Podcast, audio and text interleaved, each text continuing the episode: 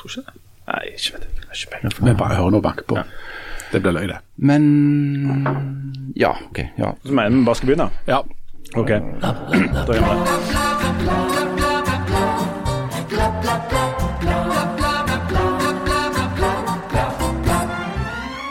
Nå livner det i Lunda, nå går det aldeles til helsike med krig og nød og elendighet, hvis vi skal tro Haralds spåkule, og den tar jo aldri feil. Ja, ja, Enn så lenge skal det danses på dekket av Titanic, for snart er det jo tid til å sitte ned på berget og se utover havet.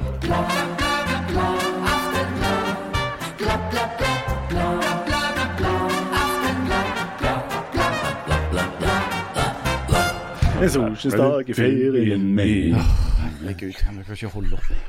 Hjertelig velkommen til Favorittsangen og ønskelåten, timen, eh, bla, bla, bla.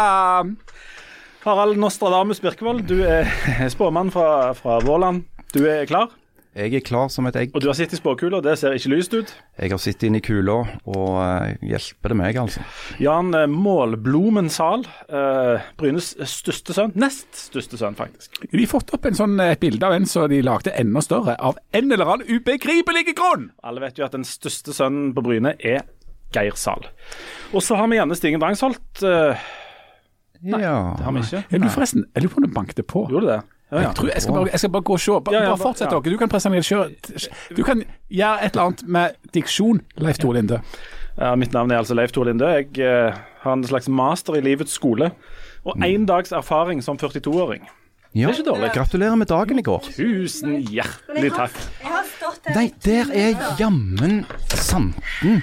Selveste professor Drangsholt. Jeg måtte gå og kjøpe egg, for jeg hadde glemt det. Be- måtte du kjøpe- Ære oss med sin med, Ja, sett deg ned, begynt. nå snakker vi om at eh, Leif Tore hadde bursdag i går. Men over, langt viktigere ting. Du har nettopp kjøpt egg. Om du for- Økologiske, men ikke sånn en brune, Om du er for sein på jobb fordi du har vært ute og kjøpt egg. Den unnskyldningen tror jeg aldri jeg har hørt for å komme for seint på jobb. Ja, den er ny for meg òg. Fortell om dette med Jeg egg. trodde jeg hadde nok tid. Uh, Story of your life. ja. Så Ja, det er egentlig det. Ja, det er Du, egentlig du er jo en uforbederlig tidsoptimist. Ja, Og jeg er jo Ja. ganske pessimistisk på andre Nei, jeg er kanskje jeg egentlig jeg er litt sånn optimistisk. Jeg er bare litt redd. Kanskje det er det. Men du er en redd optimist. Ja, det er sant. Det, En fryktsom optimist. det er faktisk det jeg Ja, er. ja. Og, og professor. ja. Men, men jeg har fremdeles ikke fått svar på det på mitt opprinnelige spørsmål, nemlig disse egga. ja. Hvor, altså, vi vil gjerne ha detaljene om disse eggene. Siden Hva de skulle brukes til? Hvorfor hasta det sånn? Nei, det var Jeg hadde skulle jeg var handle, måtte handle i dag. Ja. Um, og så hadde jeg ikke handlelapp med. eh, fordi jeg har hatt muntlig eksamen i hele dag, og så var jeg litt uh, rotete i hodet. Mm. Egg var noe av det viktigste jeg skulle kjøpe, og det klarte jeg ikke å få til. Hva skulle eggene brukes til? Nei, stekt ris. Ja. Eh, Da- må du ha Ris, ris du trenger da, er det ikke det? ja, det hadde vi for det, eh, rester, for at, eh, som Harald eh, har påpekt, så går jo verden til helvete. Nei, helsike. Så, ja. Ja. så derfor så, så eh, skal vi ha vegetar i dag, med ris fra den andre dagen, for da lagde vi altfor mye ris. Ja, Så liksom alt likevel går til helsike, så kan dere liksom bare spise vegetarmat òg? Ja. Ja. Ja. Det var det som var tanken bak. Ja, ja. Så dere er slanke og sunne nok svelt i hjel. Ja. Men er egg strengt tatt vegetar? Nei, jeg, vet, det var det mannen min òg spurte om. Fordi han sa hva, For jeg trodde kanskje at det bare var veganere som ikke kan spise egg. Jeg er usikker. Ja, jeg òg er usikker. Det er veldig bra at dere sitter og sier jeg, eh, jeg er usikker, jeg er usikker, jeg er usikker. Men, hvis du, men, Uten at vi tar av hva enormt Ta deg sammen. men i, i, i den stek, dere tar vekk sånn skinke og sånn, for det er jo åpenbart ikke Ja, det, det skjønner jeg jo, at det ikke er vegetar. Reker, da? Ja, det, og, det er vel heller ikke lov. Nei. hvis du er sånn pesketarianer, som det heter, så kan du jo spise fisk og, og andre ting fra havet. Så lenge du ikke legger an på meg, så kan du være hva du vil, Harald. Vær så god for meg. Det var en gang jeg følte meg enormt sånn fremmedgjort, eh, faktisk. Jeg var på besøk i Oslo, det er noen år siden. Det er ikke veldig mange år siden, for jeg hadde jo flytta ifra Oslo. Og så var jeg på besøk hos en eh, god kompis av meg, hei Per Asbjørn. Eh, endelig sendte jeg T-skjorta. Og så eh, lagde han mat, han er veldig god til å lage mat. Og så eh, kom eh, døtrene hans inn, eller ei datter inn med noen venninner. Og de, eh, de så jo, altså de var sånn 14-15, men de så liksom verdensvant ut som de hadde levd i New York eller Buenos Aires hele livet. Egentlig. ungdommene er i Oslo, vet du. Veldig Ja, ja, ja, sant. Jeg, jeg satt jo der og var for Bryne og, Ja, ja, og, alt det der.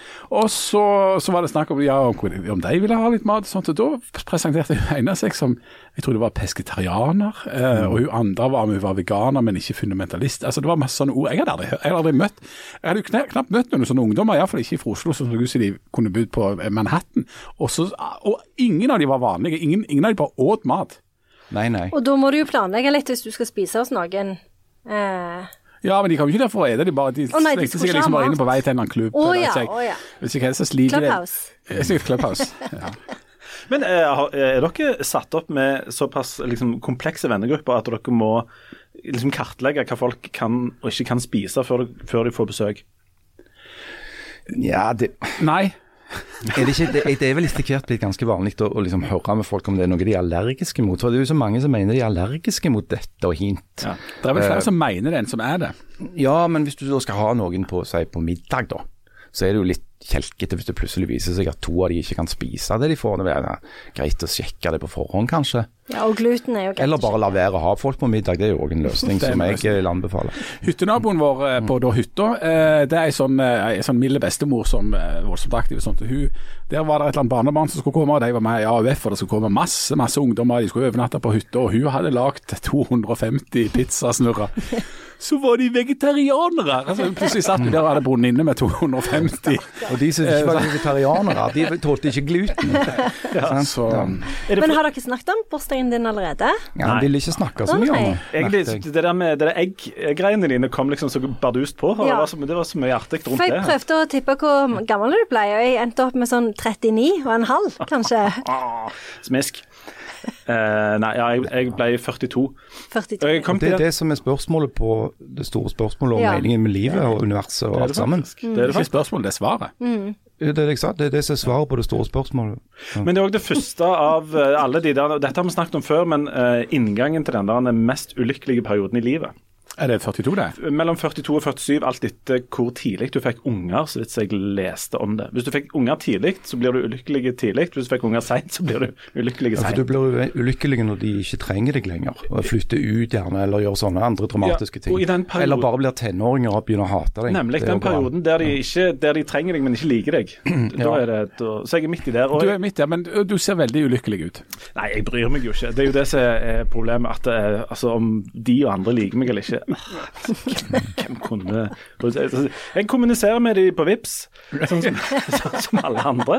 Og det, det funker egentlig veldig greit. Men jeg fikk Men jeg så en melding fra kona di i sosiale medier hvor hun påstår at hun eh, liker det ganske Ja. godt. Men det kan jo være et ironi, da. Hun har det- kolossalt dårlig smak og har hatt det hele livet. Ja, ja. Eh, Så det har nok mest sammenheng med det å gjøre. Men, men ah, ja, nei, altså, vi finner godt ut av det. Men, eh, men jeg har fått innspill av i alle fall en unge om at, som, som spurte hvorfor folk feirer bursdag. Hun mener at de bør bare feire bursdag når de er veldig, veldig små eller veldig gamle. For da er det liksom noe poeng. Altså, Etter et stort felt midt i livet der, det er ikke noe poeng i å feire bursdag.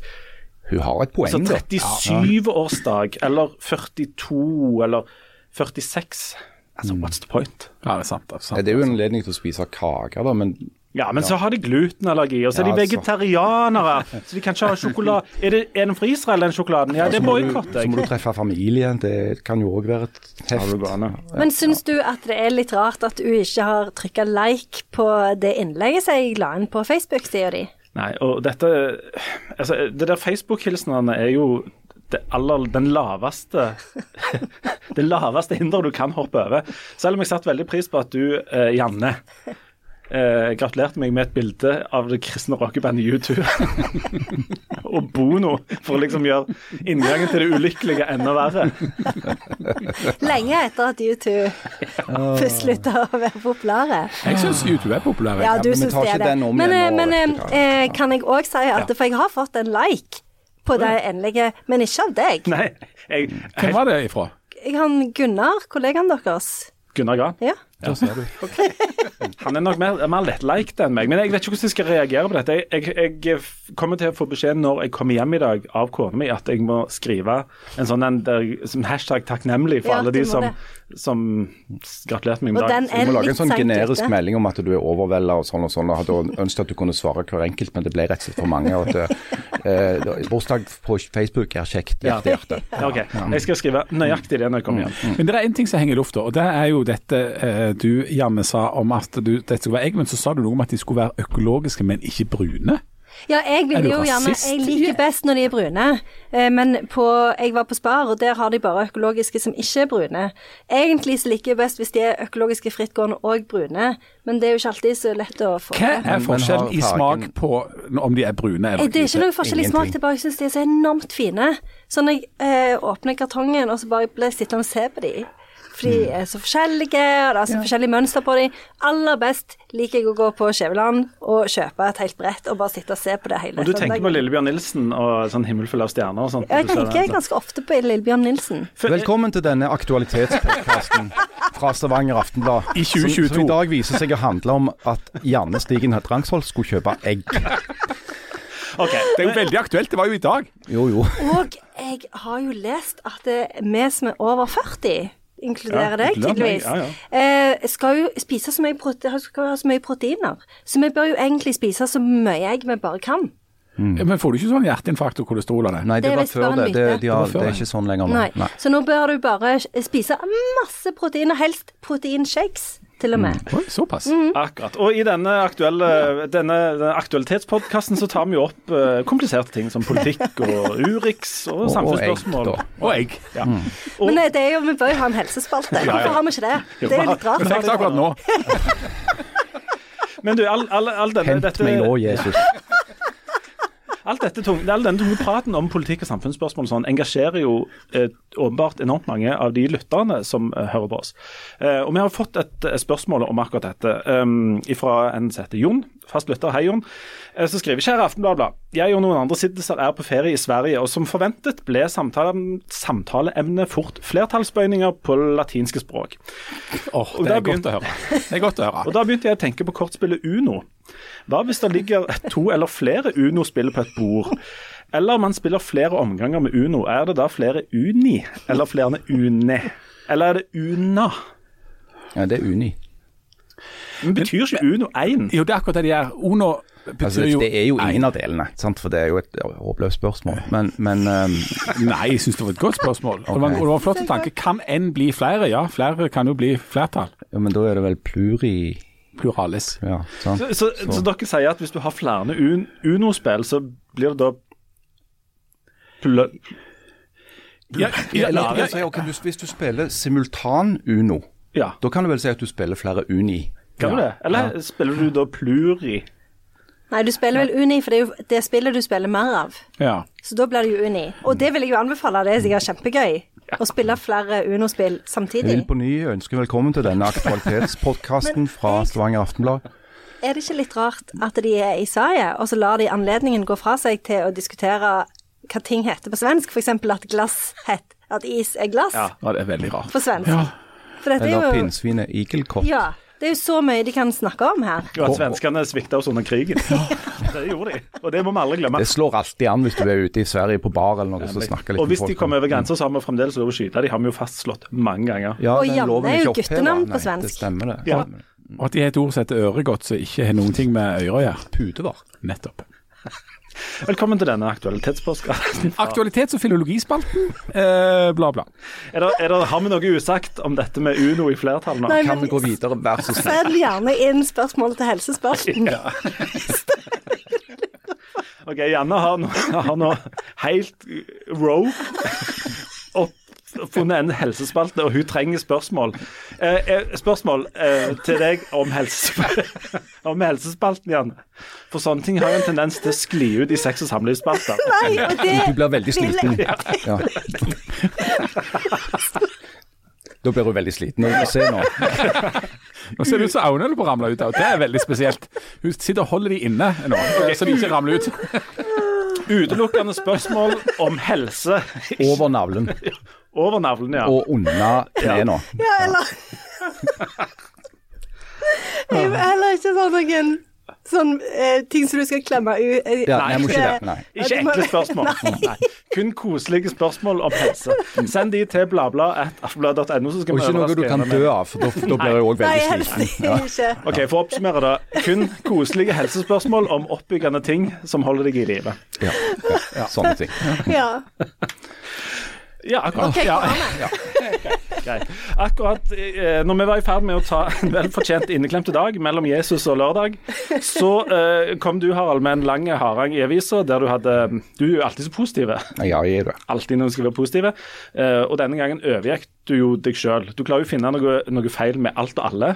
Og denne gangen hadde du på en måte sopt det sammen oppi et stort badekar. Og så heiv du det ut. og, og ønsket oss en hjertelig god uh, inneklemte dag. Ja, det er doktor Haralds tidsbadekar. um, Du, denne, denne Nei, saken Jeg hadde jo vært en, en virtuell tur til Davos, da. Ja. Eh, fordi at i Davos i forrige uke så var det jo denne her World Economic Forum, som er et slags uh, et slags gladmaten for uh, folk som tror de er noe. Eh, så det, det ble jo arrangert av denne stiftelsen som heter World Economic Forum, som holder til i den sveitsiske byen Davos. Men så kommer det jo da næringslivstopper og politiske ledere fra fjern og nær. For Eliten. å eliten samles på en måte der, da. Beslutningstakerne.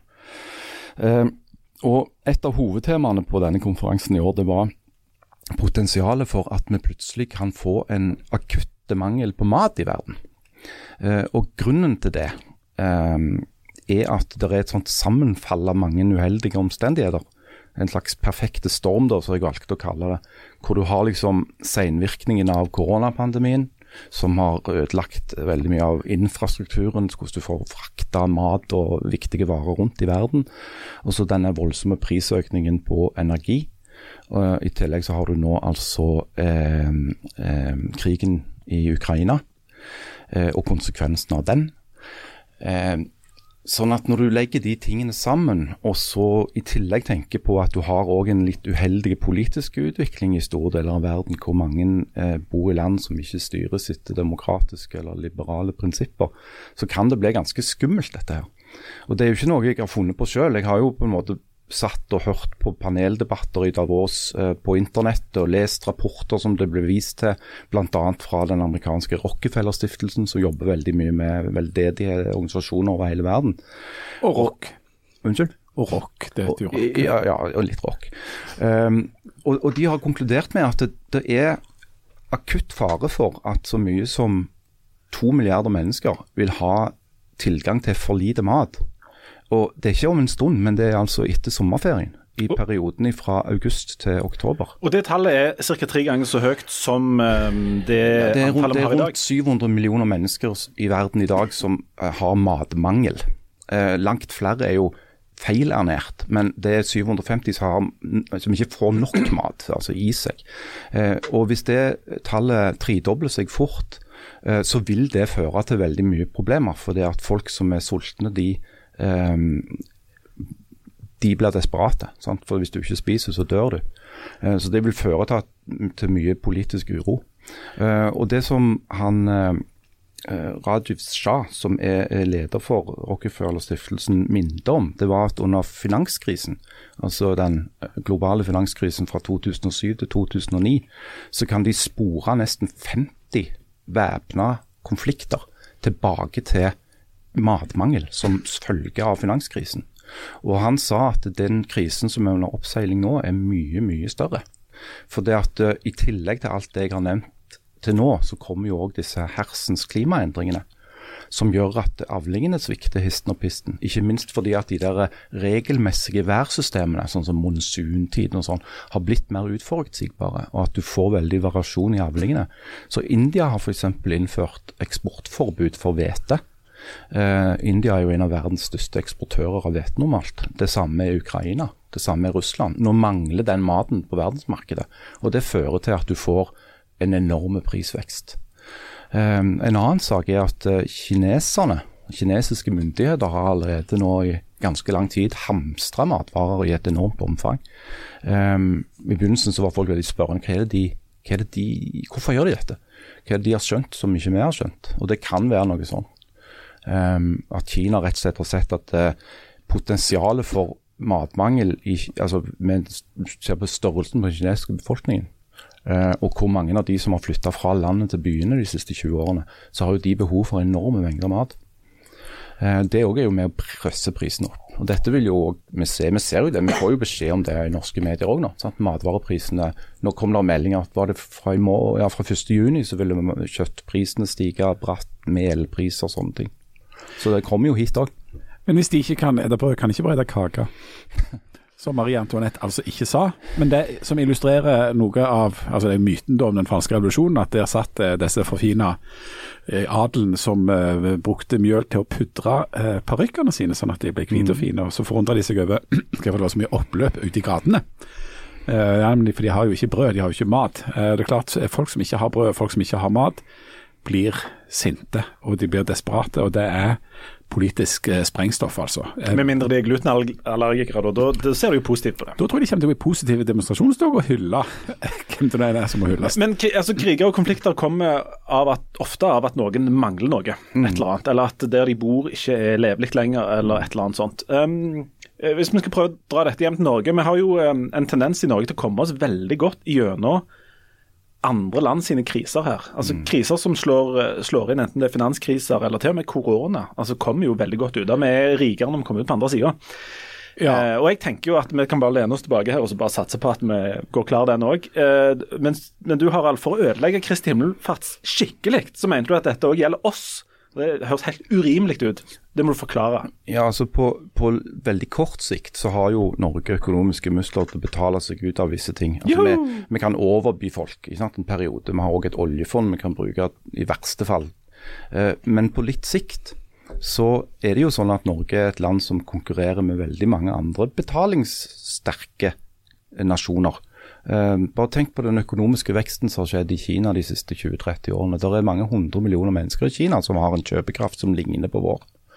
Um, sånn at, og så må du òg tenke på at uh, sånn som den globaliserte økonomien har blitt innrettet, så er det noen regioner som produserer veldig mye av ting. Det er noen få steder, sånn som Brasil produserer veldig mye av den soyaen som verdens bønder og verdens fiskeoppdrettere bruker til mat til dyr. Um, og den er det nå sterkere konkurranse om. Uh, og Hvis klimaendringene fortsetter i det tempoet de har gjort i det siste, så vil det òg bety at potensialet for å få store svingninger i avlingene blir mye større, fordi at været blir mer uforutsigbart. Sånn at dette vil, òg også ramme Norge. Uh, det er utvilsomt. Og, og en av de tror jeg konsekvensene som vi allerede kan slå inn i kassen, det er at vi må forberede oss etter en periode på over 50 år, 60 år, hvor den andelen av vår disponible inntekt som vi bruker på mat, stadig har gått ned. På, på 1950-tallet var den mange ganger høyere enn i dag. Folk brukte mer av en hundrelapp på mat da enn de gjør nå. Det vil begynne å stige igjen. Og det tror jeg vil være en ganske varig trend, at mat vil bli dyrere enn det har vært. Og det trenger ikke nødvendigvis være så dumt heller. Ikke uten at vi skal bli helt sånn sammenlignende politikk her, men du Jan har jo hovedfag sammenlignende politikk. Veldig lenge siden det er blitt nevnt, deprimerende lenge siden. Når sånne ting eh, oppstår, så er det en av de tingene som skjer, er jo at noen vil, blir veldig sånn eh, antiglobalister og, og nasjonalister og vil stenge grensene. At Norge må klare seg selv, Norge først. og eh, og sånn er det det som skjer nå, når prisene stiger og vi bruke, skal bruke vår egen olje og dyrke vår egen mat og bare klare oss sjøl. Ja, faren øker jo. Og, og faren er jo Det er så farlig, det er ikke det en måte å gjøre det på? Ja, jo, det er en måte å gjøre det på, på sånn kort sikt. på en kort måte. Problemet med veldig mye politikk og med si, trender er jo at den går veldig fra det ene til det andre. og at Det blir veldig sånn, det kan bli litt store utslag da. Um, sånn at Det er jo en grunn til at det har blitt sånn at en produserer noen ting på noen plasser, og at det er et verdensmarked som handler der. Det er en grunn til at Ukraina og Russland er storprodusenter av hvete og av korn og av solsikkeolje og alt det der. og Det er fordi at de har naturlige forutsetninger for det. Det er svære, svære sletter som er perfekte for jordbruk. og Derfor er det helt logisk at de holder på med det. Og, og, og i en sånn en, en, slags stor verden der verden handler med hverandre, og der den åpne økonomien der, så er, så er jo det helt logisk at den gjør det. Mm. Um, og Det har jo vært så logisk. Uh, og, og, globalisering og verdenshandel har jo virka så logisk at det sannsynligvis har eh, slått tilbake på seg sjøl. Eh, som har ført til noen politiske eh, motsvar, bl.a. f.eks. i USA. Altså Det har vært logisk f.eks.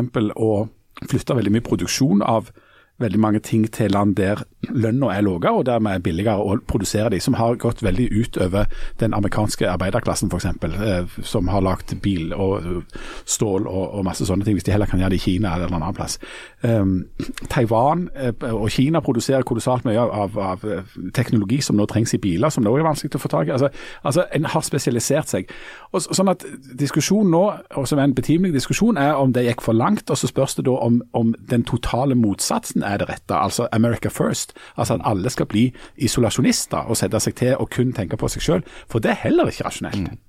Nei, du har helt rett i det, Jan. Uh, men så er det sånn at den globaliseringsoptimismen som kanskje preger store deler av 80- og 90-tallet, og begynnelsen på 2000-tallet har fått seg noen skudd for baugen. For det viser seg å være to problemer med den. Det ene er jo den at den fører til eh, store problemer for den tradisjonelle arbeiderklassen i de landene som blir forlatt.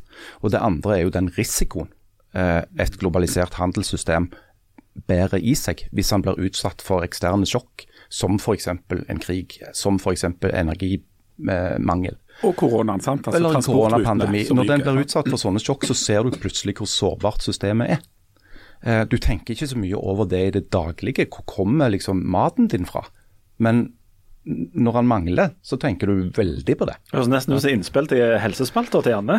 Altså, ja, jeg ja, eller si, si, at du ikke hadde fått tak i egg, da. ikke sant? Da hadde det jo blitt en veldig trist eh, sånn stekt ris. Og kanskje du ikke hadde fått tak i ris heller. Hva hadde det da blitt? Bare stekt? Ja, egg, egg, eh, egg, og de kan jo lage på Jæren. Altså, vi, vi, bor jo midt i det store matfatet i Men Det er dårlig med risproduksjon. Veldig lite risproduksjon, og, og, og, og, smått med på en måte olivenolje og Men, men på Jæren skal vi jo heller lage eh, batterier og, ha sånn datasenter og sånn. Altså, jeg vil anbefale alle lyttere til å ta seg en kikk i sitt eget matskap og sitt eget kjøleskap, og så se på, tenke litt gjennom hvor kommer alt dette her greiene fra. Noe kommer fra Sør-Amerika, noe kommer fra Kina, noe kommer fra Afrika, forhåpentligvis, hvis de hadde fått lov å handle litt. USA.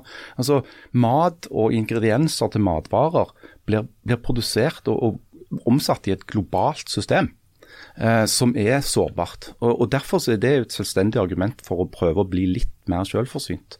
Fordi at i en krisesituasjon, hvis du ikke har mat, så blir det fort, som Jan ganske korrekt påpeker, stor politiske problemer. Men er ikke det litt bra for klimaet òg, da? Å ha litt mindre sånn uh, shipping av soyaolje fra Sør-Amerika? For eksempel så, så er det jo sånn klimamessig helt sykt at så mye av maten til f.eks. norsk oppdrettslaks blir frakta til Norge fra Sør-Amerika og andre steder, som f.eks. soya. da. Det burde jo være mulig å få en mer bærekraftig løsning på f.eks. havbruk. Men òg store deler av storfeproduksjonen i Norge er avhengig av kraftfôr som er produsert utenfor Norge. Fordi at vi ikke kan ha dyr på beite om vinteren her, naturlig nok. Jeg spiser jo kun avokado fra Randaberg, f.eks.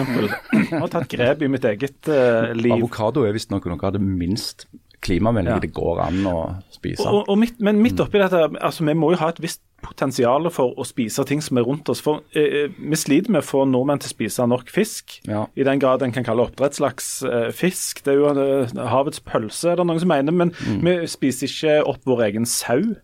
Eh, vi har eh, vi er veldig glad i hvete, men det er andre kornsorter som er bedre å dyrke i Norge vi kunne gjort. Altså, Vi har ikke tatt ut noe potensial for å spise norsk. Vi har blitt veldig vanskelig i maten. Uh, det skal alltid ting, være steikt ris, vet du. Ja, men sånne ting tar sikkert lang tid å snu òg. Det er jo mange som sliter med smaken på sauekjøtt. Ja, Det er jo såpass ringt at det er jo lett å forstå.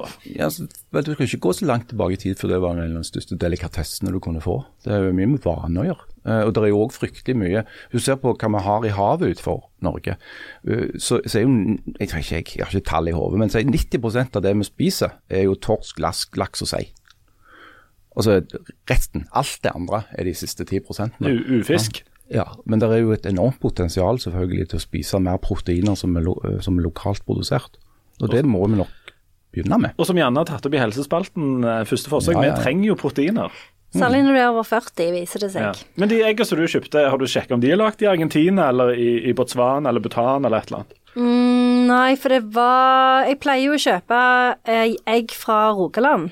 Men akkurat nå hadde de det litt travelt, så det første jeg bare så på var om de var økologiske. Hvis du går i en norsk butikk i Norge, eh, så er sjansen for at du får egg fra Rogaland ekstremt stor. selv om du er befinner lett. deg i f.eks. Nordland. For det at vi lager omtrent alle eggene her. Og så kjøpte jeg eh, gulrøtter fra Jæren, og noe sånn, eh, sånn eh, Hva det heter sånn spirer. De tror jeg òg er dyrket her, er det ikke det? Ja. Det er bare mye spirer, ja. Men er du, går du rundt og kikker på liksom em, på disse tingene og ser hvor de kommer fra? Jeg kikker jo litt, fordi for eksempel så er det jo ofte sånn at hvis du skal kjøpe økologiske gulrøtter, så er jo de ofte fra Israel. Og det syns jeg er litt uh, tullete når vi har gulrøtter på Jæren, så da kjøper jeg heller ikke-økologiske fra Jæren. Du heier ikke på Israel? Jeg bare få den brannfakten ut. her. Ja, men altså, H, H kommune tror jeg det er, eller i hvert fall Rogaland er vel størst i, i Norge på både Verpehøns og egg. Ja, verpehøns og egg. Eh, Det var det jeg men det var en stor del av svineproduksjonen svineproduksjon. Og, og, Ja, ja, ja. Altså, det, er- det altså, Jæren er jo det, det er jo der liksom, det industrielle landbruket står sterkest i Norge, vil jeg nesten si. Og så har jeg jo sett at det, og det, nei, nå holder meg på med mat ennå, For ja. jeg så at det er jo en sånn bevegelse for å ikke klippe plenen, for å få folk til å ikke klippe plenen. Så No det har more jeg, May. Ja, så det har jeg introdusert hjemme. Jeg òg på hytta. Jeg bare Gadsje. Men blir det sånn mye mat av det, da? Det blir Eh, Nei, men det ble jo Det flere insekter, sånn, ja. og det er jo bra. Det er bra. For det hjelper jo på matproduksjonen her til lands. Ja. vi, vi lot det stå og, blomstre av, faktisk, før det ble eh, tatt grep og, og hogd ned og ble til den grønne ørkenen som en vanlig plen er. Mm. Det, altså, det eneste er det med egg, for at vi kan faktisk, ifølge reklamen jeg mener jeg har lest meg til, så, kan, så inneholder egg alt det du trenger, minus C-vitamin. Så vi bare importerer litt appelsin. ja, det er helt riktig. Ja, det er jo det- Men C-vitaminer. til, til den helsespalta, for det at nå kom jeg på en ting da du nevnte dette med C-vitaminer. Jeg lærte for ikke så lenge siden, kanskje for bare noen dager siden, at mennesker nok en gang er liksom helt unødig dårlig konstruert. For i motsetning til omtrent alle andre dyr enn oss lager sine egne vitaminer. Sånn, Bare sånn helt av seg sjøl. De trenger ikke kosttilskudd. Men vi får ikke til det engang. Vi er nødt til liksom å få tak i vitaminer uten, utenfor vår egen kropp. Det er jo helt elendig design, og det må dere to kristne ta opp med han Det der. vi, det skal vi ta opp med. Jeg gjerne skal ta, finne ut av det i pausen. Eh, når vi kommer tilbake igjen, skal vi se om Harald har en løsning på å unngå dette armageddonet i kjøleskapet. Og generelt Armageddon, selvfølgelig, utenfor kjøleskapet òg. Så skal vi muligens Kanskje vi må starte eh, Janne sin helsespalte. Vi skal se om vi kan improvisere fram noen spørsmål. Og så har vi en god del spørsmål fra lyttere som vi må ta opp. Men vi tar en liten pause, så er vi øyeblikk bare. oh, hjertelig velkommen tilbake. Vi, eh, før pausen så var vi spilte spilt dem opp til Armageddon, og nå Harald, blir det jo opp til deg å løse driten, da, hvis du har så god greie på det. Hva kan vi gjøre for å unngå at ting går til helsiken? Ja, for det var det, var det som var grunnen til at jeg skrev i den kommentaren, at dette var liksom en av de mest skremmende paneldebattene jeg hadde hørt på kanskje noen gang, eller iallfall på en lang stund. fordi at eh, det, det var sånn at konklusjonen i dette panelet, som jo var topptungt, hadde jeg nesten sagt, var at det, det er veldig lite å gjøre med den krisen som kom i høst. Eh, fordi at det er så kort tid til, og det er ikke så mange effektive virkemidler eh, på kort sikt. Eh, fordi at vi har den energikrisen vi har, den krigen vi har, eh, de klimaendringene vi har, de er der nå. Eh, sånn at eh, jeg er veldig usikker, jeg, jeg er veldig spent på Jeg håper jo selvfølgelig at dette er en sånn form for um, worst case-scenario som kanskje ikke slår til. Men det høres ikke helt bra ut. Så jeg, jeg tror nok det lureste vi kan gjøre, hvis vi f.eks. er politikere i dette landet eller driver på med andre beslutninger, altså ta litt høyde for at dette kommer. Ehm, og, og prøve å være realistiske i forhold til det. Det går i hvert fall ikke an bare å ønske det vekk. Det hadde nok vært lurt å avslutte den krigen. Det hadde Det hadde vært en bra ting å avslutte den krigen. Altså, sånn, det er jeg for. Nei, jeg vil, Jeg er for det. det er mitt sånn tips. Vi teller opp hvor mange for å avslutte krigen. Jeg er for. ja, jeg er alle retter hånden er flott. Ja. Det er ikke veldig ofte i mitt liv at jeg har tenkt, hørt på Henry Kissinger, eh, som nå er 99 år, eh, og tenkt at det har vært helt enig med han. Men når han sier at For han er jo typisk sånn realist i sånne utenrikspolitikk eller sånn politikkspørsmål. Så at, og han, han argumenterer med at Én ting er liksom eh, hvem som har rett og hvem som har feil der nede i Ukraina, men det hadde vært en fordel for alle hvis den krigen ble avslutta rett og slett pga. sånn og de tinga. Altså at verdensøkonomi, det siste verdensøkonomien trenger nå, er en krig i tillegg til alt den andre driten. Eh, Så, og det har han jo helt rett i. Og, han tar jo til orde for at det blir en forhandlingsløsning hvor kanskje Ukraina må gi litt territorium til Russland, da, bare for å få slutt på krigen. Eh, og Så kan du jo diskutere det opp og ned av stolpe, hvor lurt det ville vært. Men verden har jo godtatt dette en gang allerede i, på Krim, og en annen gang i eh, Sør-Ossetia, og enda en gang i Abkhasia. Eh, disse to provinsene i Georgia. sånn at det er jo presedens for at verden har eh, gjort det før. Og da hadde i hvert fall avokadoen kommet fram til tacoen vår, og det er jo en fordel. Hvis Ja. man kan si det sånn. Du, vi, okay, vi sier at vi avslutter, alle for å avslutte krigen i Ukraina, i hvert fall begynne en plass og ikke få mer korona. Og så skal ikke jeg en, en nevne en artikkel jeg leste om um, eh, som var en slags sånn nedtelling til, til det som får koronaen til å bleikne, nemlig antibiotikaresistens. Oh, ja, som det har jeg hørt om nå. det, men det er sånn helsespalte, og det ja. var negativt. Men det er jo eh, Jeg leste òg akkurat en bok om det. Du kan jo bli livredd av mindre. Ja. Vi tar ikke det opp i helsespalten, for det er et sånn negativt spørsmål. Ja, jeg, det handler jo om døden, så det er jo Nemlig. Skal vi ta et annet spørsmål istedenfor? I uh, denne s- Det er jo ikke en egen spalte, men det er Er det helsespalten Nei, det- allerede? dette er- Dette er kritikk til Jan-spalten, Åh, ja. oh, Nei, som vi jo alle er glad i. Nei! Dette er sendt inn av en anonym person på Storhaug. eh, På tekstmelding til meg. Hei, kan du si til Jan Zahl at han godt kan hilse tilbake når han går tur med hunden?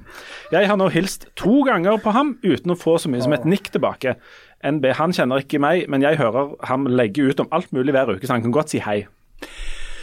Altså, jeg går rundt der med denne hunden, ehm, og, så, og så treffer jeg stadig på folk. Og så, så tenker jeg at jeg må smile og, og være blid, for jeg er jo livredd for at eh, alle er de, denne vedkommende.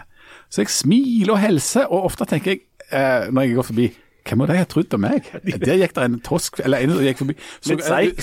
litt, så, litt enkel eller litt full ut, så liksom smilte og og hva han smilte for, hva er det han ikke vet? Altså, ja ja, nei, beklager, men jeg skal uh, gjøre så godt jeg kan. Ja, gjerne. Ja.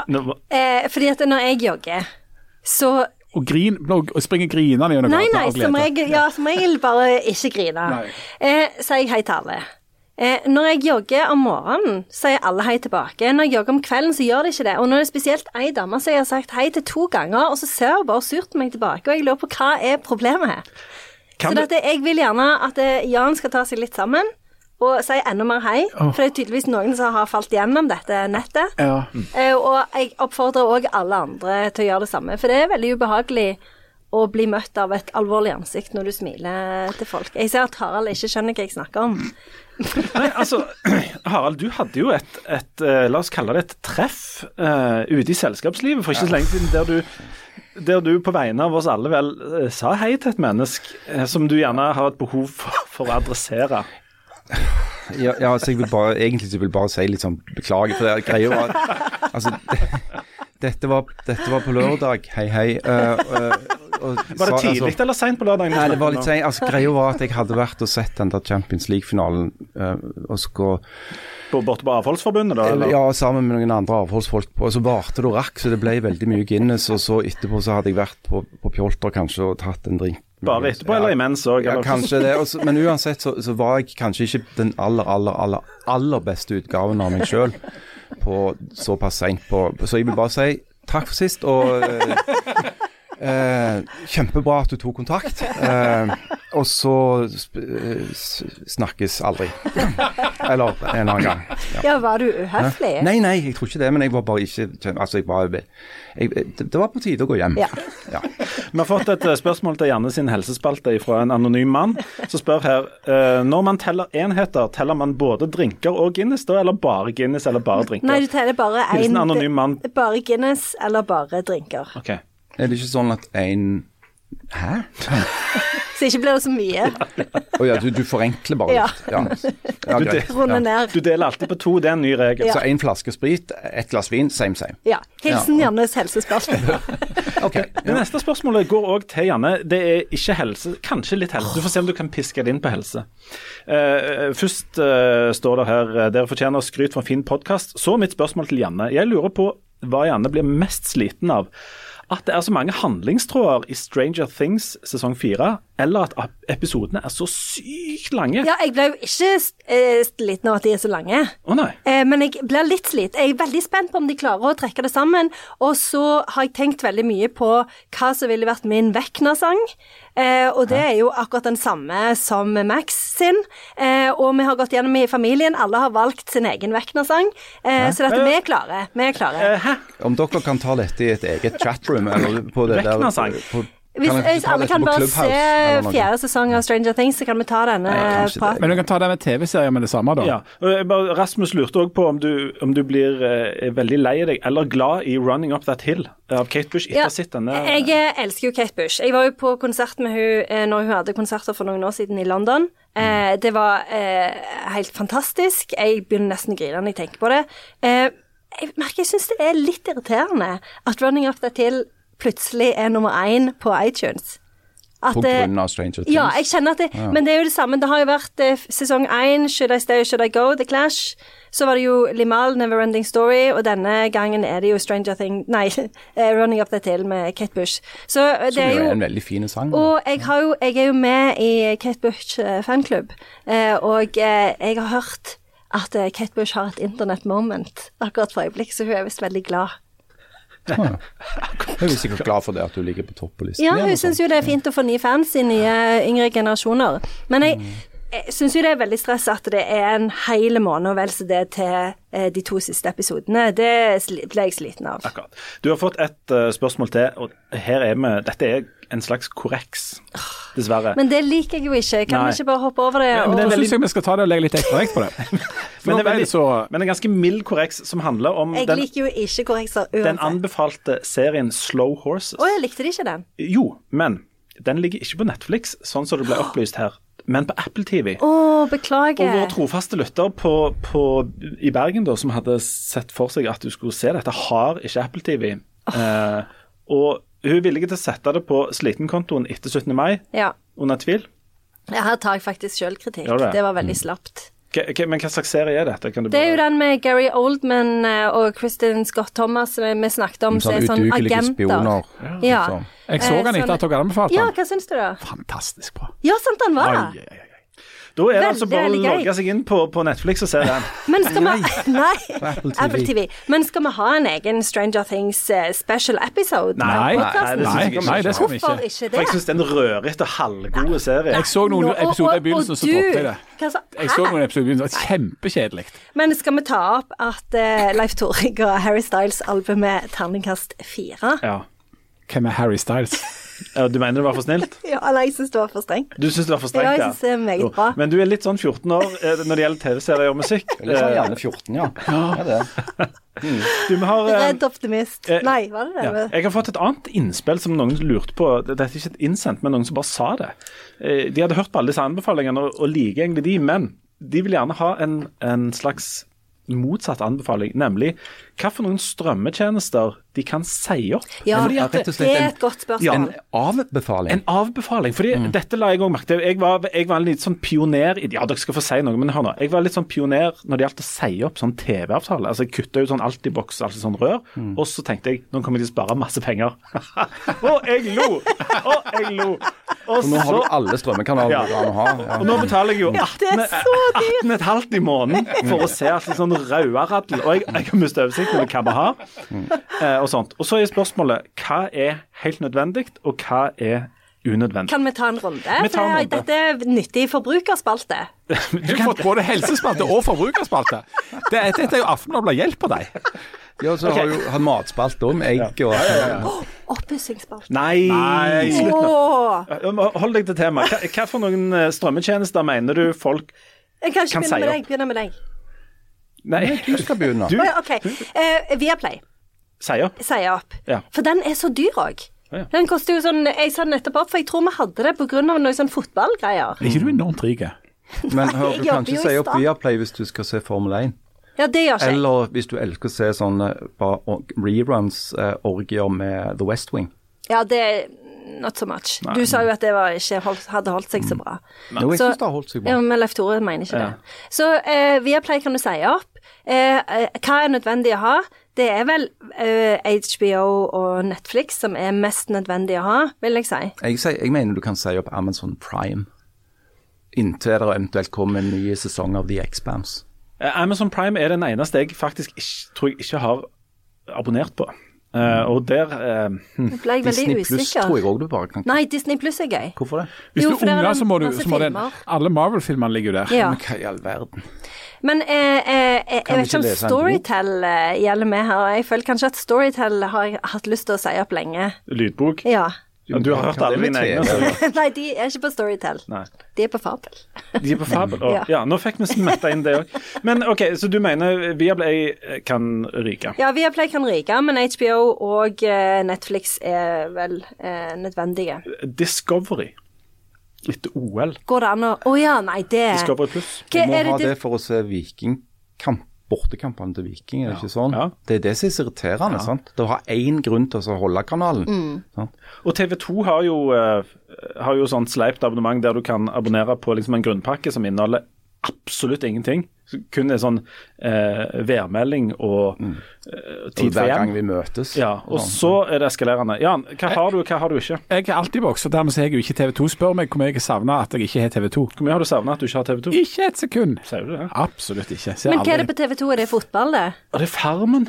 Oh, ja. Nei, men Ja. jeg var ferdig med Farmen, så det fikk jeg jo sett. Eh, Og jeg Ja, merket en nå viss var det jo trøtthet. f.eks. Champions League i fotball Ja. og sånn, men, men disse tingene forandrer seg jo hele tiden. Det blir jo hele tiden nye kanaler som skal se Eller sånne Det er veldig forvirrende. Et siste. TV-spørsmål. Driver dere og sier opp og starter opp igjen abonnement? For det er det jo noen som orker. Det er ikke så Altså, når du var medlem av Bokklubben i, for å få velkomstpakken, og så skulle du si det opp, holder dere på sånn? Nei, men jeg kunne er sikkert de, altså Det er jo en øvelse for de som driver også på å bytte strømleverandør midt på natten og sånn, fordi at de kan spare det fem Og forsikring. Ja, eh, svaret er nei. Nei. Det gjør ikke jeg heller, men jeg sier det av og til opp hvis det er sånn som vi har pleid da. Som vi hadde pga. fotball. Og så Discovery, sånn som du sier, for det hadde vi jo bare på OL. Da klarer jeg å gjøre det. Men jeg har jo alltid betalt et par måneder ekstra. Mm. Eh, og nå, akkurat nå er jeg jo inne i eh, Vårt Land-abonnementet igjen, så det, at det er liksom Du må jo ha Vårt Land. Du må jo holde Vårt Land. Ja, jeg må jo det, men Ja. si det opp av og til, for jeg Jeg må ikke si det, for det er noen i vårt land som hører på Ja, jeg vet det, og jeg- og de blir kjempeforbanna. det er En av de mest interessante avisene i Norge. Mm, den er veldig bra. Og de skriver saker som ingen andre gjør. Ja, de gjør det. Og dere husker den fantastiske uh, sketsjen om Vårt Land-journalistene som må la være å banne? Har dere ikke sett den? Bård Tufte Johansen og Harald Eia er to Vårt Land-journalister som sitter og søler f.eks. brennvarme kaffe, varme kaffe, og så må de sitte alltid, de opererer alltid i to, sånn at de ikke skal falle i synd. Så sitter de og Og så har brent seg skikkelig, og så og, og steiker bananer. og så prøver de liksom å holde hverandre i sjakk. Den, den må du søke opp. Men hva er det når du kristenbanneordet du bruker aller mest? Er det er helsiken, da. Ja, det er helsiken, ja. Jeg mener det. ja. Um, men OK, vi kom fram til at dere må bare ha alle strømkanalene likevel, da. Ja, jeg tror det. Men gå gjennom forsikringene. Gjerne skift til Telia på billig mobil. Nå skal vi ha den noe mer informative spalten. Uh, Harald Birkvold sier noe uh, kjedelig, men viktig, uh, på ikke mer enn eh, tre minutter. Hva skal det handle om i dag, da? I dag Harald, foreslår jeg at du skal snakke om kanskje noe av det som på en måte får min eksem til å blomstre, nemlig oljeskatt. For det er oh, ja, Det er dødens tema, samtidig som det er jo det Norge er tufta på, i tillegg til dugnad. Og litt rasisme. Um, så jeg lurte på om du kunne snakke litt om oljeskatt. Strukturell rasisme. Du kan ikke snakke om strukturell rasisme, du må være Nei, om skal, ja. Trenger du betenkningstid i form av en uh, jingle? Uh, nei, jeg vil ha jingle. Sånn helt van, den vanlige jingle.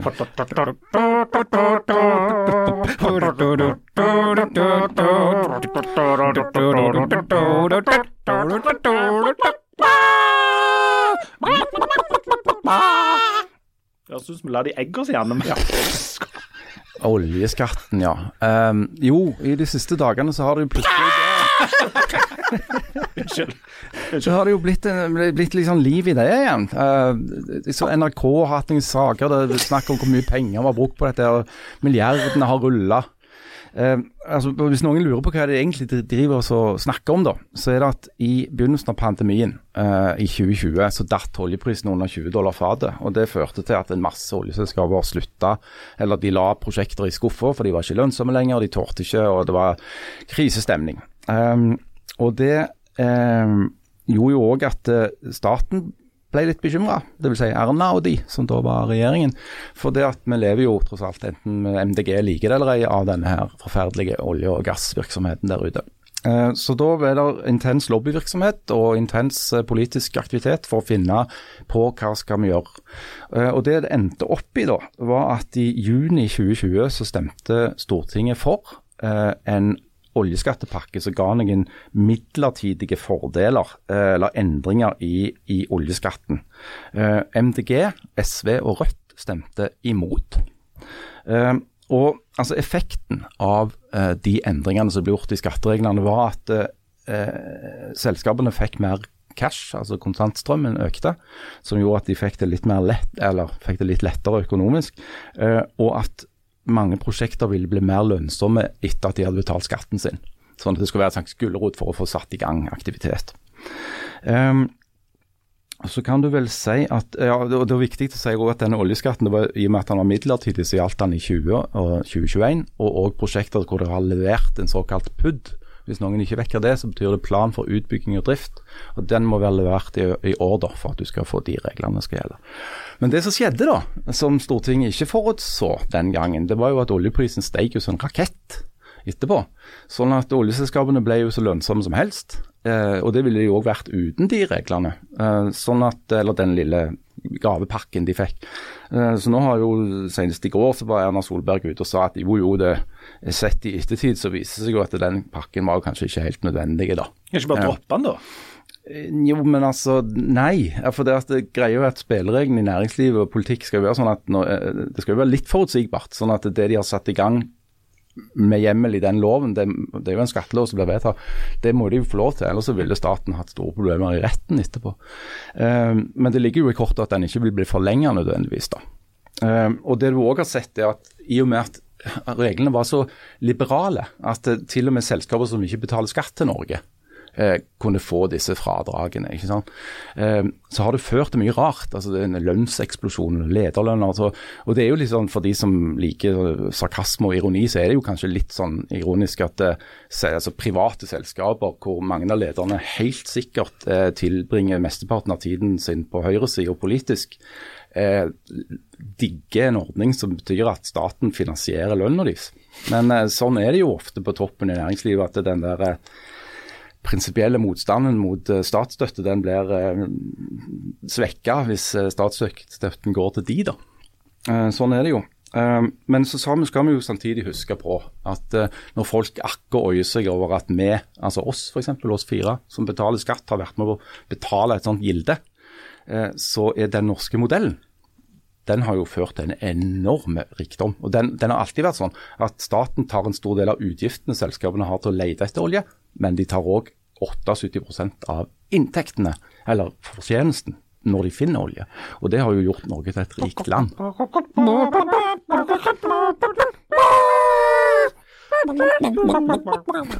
Du, og vinneren er, bare si det, vinneren er jo som alltid klima, sant? Ja, vinneren er klima. Vær så god, Janne. Men ja, noen, noen, noen refleksjoner rundt de tre minuttene med interessante samtaler fra monologer fra Harald Birkevold? Om du fulgte med? Du hørte ja, ut som Ingebrigt Davik. Ingebrigt Davik. Pølse, nei? En vakker dag skal jeg fortelle om når jeg var og så Ingebrigt Davik-huset, men det kan ikke bli i dag. Nei. Men folk, folk er krev... Nei, vent, ja, ingen krev. Altså, for det første så, er, så syns jeg det er, det er litt mye, det er, mye, herlig ironi her. Eh, for det første syns jeg det er det som du var inne på på slutten der. Det er, det er litt grann nesten på grense til komisk når NRK da eh, eh, først nå lager en voldsom journalistikk på at ja, nei, nå har du, du kjære skattebetaler, du har vært med på å betale liksom 71 milliarder kroner i noen subsidier av noe oljesektor. Og så hvis du, hvis du setter den grafen på siden av den grafen som viser inntektene, som er sånn 2550 milliarder i inntekt, så er jo, så er jo det store bildet at dette er en kjempesuksess for oss som oljeinvestorer. Altså Hvis poenget var altså avkastning av invest, per investert krone, så er jo dette noe av det smarteste vi noensinne har gjort. Det er en kjempesuksess for oss som investorer. Bra at vi investerte de pengene. Fikk kolossalt mye penger og velferd og oljefond og velstand i generasjoner ut av det. Kjempebra. Så det, det er for det første litt humor. Så er det eh, så er det òg for så vidt humor og interessant at Erna Solberg faktisk går ut og tar selvkritikk og sier at dette var for romslig. Det, det, er jo eh, det hører du ikke ofte fra den kanten. Noe av det som er litt sånn kilent rent sånn politisk, er jo at Høyre foreslo dette her, eller de gikk inn for det, den regjeringen som satt her. Men så var det jo noen andre som fikk jazza opp den pakken noe durabelig. Og hvem var det? Ja, hvem var det? Det var de som sitter med regjeringsmakt nå! Arbeiderpartiet og Senterpartiet, pluss Frp, som ikke er makta nå. Ja.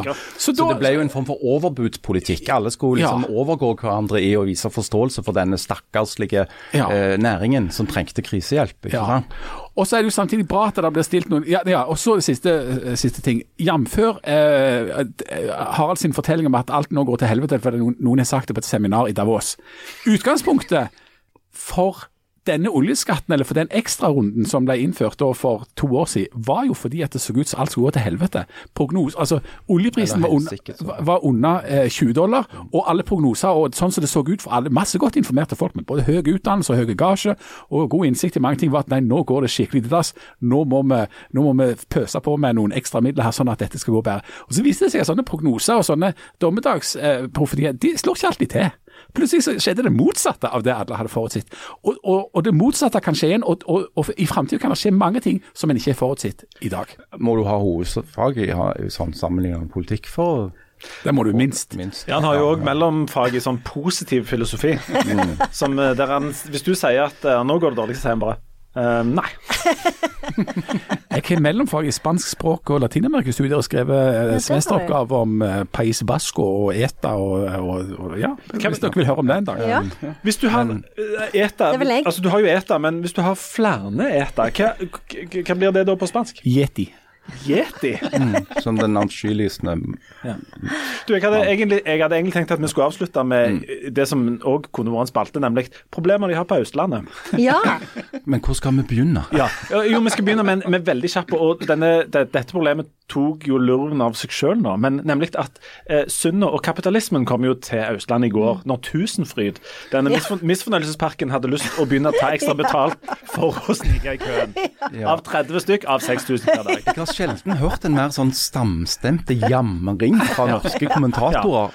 Som om det var den gangen I går de oppdaget at det var forskjeller i Norge. For, for første gang så er det altså sånn i Norge at noen med mer penger kan gjøre noe som de med mindre penger ikke kan. Pluss er det ikke litt rart at disse, alle disse ungene oppdager det der og da. Ja. De har aldri Aldri, aldri, før. Nei, aldri før har de Men nå ja. ser de noen gå forbi de ja. til berg-og-dal-banen, og da bare ja. Det betyr at foreldrene til Nille har mer penger enn mine foreldre. Og hva blir det neste? Skal noen sitte framme i flyet og noen sitte bak? Ja, skal, nei, nei, Nei, skal noen kjøre Lexus mens andre kjører Toyota Corolla? Er det slutt på skoleuniformen? Hæ? Dette. Dette ble jo ikke noe av, da. For det, det viste seg at den der Du vet når kommentariatet samler seg der borte ja, på Østlandet, da får en ordne opp i samfunnsproblemer. Reise fanen. Men kjapt spørsmål. Før vi begynte å bli ironiske og syntes dette var ganske tøysete, eh, så tenkte jeg at det der, det, det der fast track-greiene er jo noe drit. Samtidig som, som er jo sånn, det er jo sånn verden er. Og så skal vi, skal vi, kjempe imot det, eller skal vi ikke kjempe imot det? Altså, sånn skikkelige sossunger, de går ikke går de på Tusenfryd? De går vel på Epcot-senteret i Florida eller på Ja, det vil jeg jo tro. Med mindre ja. det er covid og alle må ha norgesferie. Da er de kanskje på Tusenfryd. Og så er det ikke sånn at uh, det største hinderet for å gå i fornøyelsespark er ikke om du betaler den billetten til 500 eller den til 800, men om du har råd til billetten i hele tatt. Er ikke det feil problem som ble adressert på Østlandet her? Det er alltid det. Altså, ja, det er jo veldig sjelden at de adresserer rett problem. Ja. Ja, må vi jo, så ærlig det var jo det med oljeskatten, og nå er det 1000 eh, Men misfornøyelsespark, det var et veldig godt ord. Det har jeg kjørt før. Ja. Ja, når det gjelder denne oljeskatten, så er det jo det er jo på en måte litt sånn eksempel på hvordan det går når liksom østlendinger plutselig skal begynne å skrive om olje. Fordi at de lager et jæklig nummer av at vi har betalt så mange penger til de oljeselskapene, men ikke tar med hvor mye vi har tjent på de samme oljeselskapene. Eh, et annet problem så er jo når vestlendinger kommer til Østlandet og begynner å gjøre sånn som romerne der borte gjør, Det er jo, har jo vært mistanke om at det er, kan ha vært en rogalending. Men jeg kan, ikke, jeg kan ikke si hvem det er, men si at han rimer på Schmeir Schmollestad, som krevde kokte, eh, skrelte poteter i, i stortingskantina. Vet dere om det var han? Dere har hørt den saken, sant? Ja, ja, men Jeg kan, ikke, jeg kan jo ikke verken bekrefte eller avkrefte det. Nei, i hvert fall ikke. Særlig ikke avkrefte det, kanskje. eller hvordan? Det. Det var ikke mine ord. Jeg tror han er grelt god å skrelle eple, som det heter. Ja, det skulle jo Dessuten er vel, kommer jo han av de podlyst som produserer grassat med egg.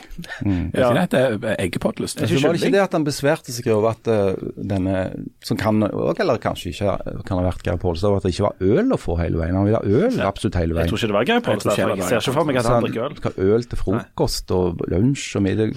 Da, for da kaster jo mistanken videre over på Vi kan ikke si hvem det er, men si at han rimer på Schmoy Sneffensen. Ja, ja, At det kan ha vært han. ja. Ja. Jeg tror i hvert fall ikke det var Ola Bollestad. Det er klart at Hvis de har får skrelde poteter og øl fra de kommer på jobb om morgenen, så er det jo ikke løye at det blir overbudspolitikk om oljeskattepakken. ikke sant? Det, det sier nesten seg Nei, vestlendinger. Dere må passe på når dere kommer bort til Østlandet, sånn at dere ikke hermer etter de. Må ikke falle Du- i sund nå. Jeg kom på en ting. Dette med, hvis vi hadde gått på sånn markedsføringsskolen, eller hatt noe grunnkurs, eller helt sånn, et, bare et sånt basispoeng eller to i det, så hadde vi sannsynligvis nevnt på et tidligere tidspunkt at vi skal lage livepodkast på Gladmaten. Ja, det er to sant. ganger.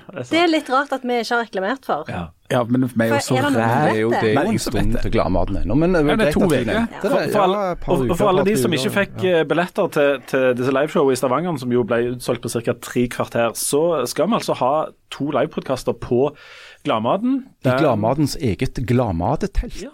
Ja. Og det kan Tørt bli og fint hvis det regner. Ja. Kan vi møtes i forkant? For jeg vet ikke hvor det er. Gladmaten. Ja, Det er i Stavanger det er det. Ja. Og du trenger ikke ha med nistepakke. Det er ikke på ruten. Må du ikke, må du ikke stille opp der Nei, OK. plutselig? Men, eh, Men- men- dette krever litt eh, planlegging. Ja, torsdag og fredag ettermiddag, etter Ja. det jeg husker. Og vi, der kommer vi nok sannsynligvis til å ta med oss noen uh, gjester av noe slag. Ja, med noen matfag. Skal ikke se vekk fra det. Vi hadde, jo en, vi hadde jo et voldsomt heldig tilfelle med noe vinsmaking i fjor. det skal vi ikke gjenta. Og da ble Toril Rener nesten skilt. Det kan vi ikke ha på oss. Hun og matanmelder, hun og matanmelder Harald Birkevold fikk smakt på noe flott champagne som de mente var noe Det var billig skvipe Men skal du rippe opp i det, da? Men eh, når skal vi ikke anbefale noe? Nei. Vi har ikke anbefalt noe hele tida. Vi har jo Har vi gjort anbefalt det i stad? boss. Ja, vi har anbefalt egg, blant annet. Ja ja. Det, og proteiner I et generelt. sunt kosthold må du ha egg. Og så sier opp et par sånne strømmetjenester. Ja. Ja. Det, det anbefaler vi. Um, da tror jeg vi er ferdige med denne informative aktualitetspodkasten fra Stavanger Aftenblad. Uh, og så, uh, hvis dere har spørsmål, særlig til Janne sin helsespalte, så send det til bladblad.aftenblad.no. Og hvis dere har andre ting dere lurer på eller vil vi skal snakke om, så send oss gjerne en um, e-post. Så kanskje en gang uh, før eller rett etter sommeren at vi samler opp og tar en egen spesial der vi bare svarer på det dere egentlig lurer på. Innspill spesial. Innspill spesial, ja. Eh, vi kan ha det istedenfor den der uh, Stranger Things-spesialen. Ja. Ja, Ja. og for alle de som vil ha Stranger Things spesial, send inn spørsmål. Ja. Så kan dere sende privat til Janne Stigen Drangsholt at uh, Universitetet i Stavanger at Norge. Et Ulland, Ullenhaug. Dot lol. Dot lol. Eh, yolo. Hallo. Kan, om vi kan slutte nå? Ja, nå skal vi, vi burde ha slutta for lenge siden. Ja, for jeg må bitte litt tisse. Da Det, må, det er gyldig grunn, altså. Ja, ja. OK, Harald er nødt til å gå og tisse, og da må vi gi oss eh, alle sammen. Okay. Eh, snakkes om en uke. Ha det! Du er litt trang i Oi, du, du må jo, du gikk så, du så trangt. Oi.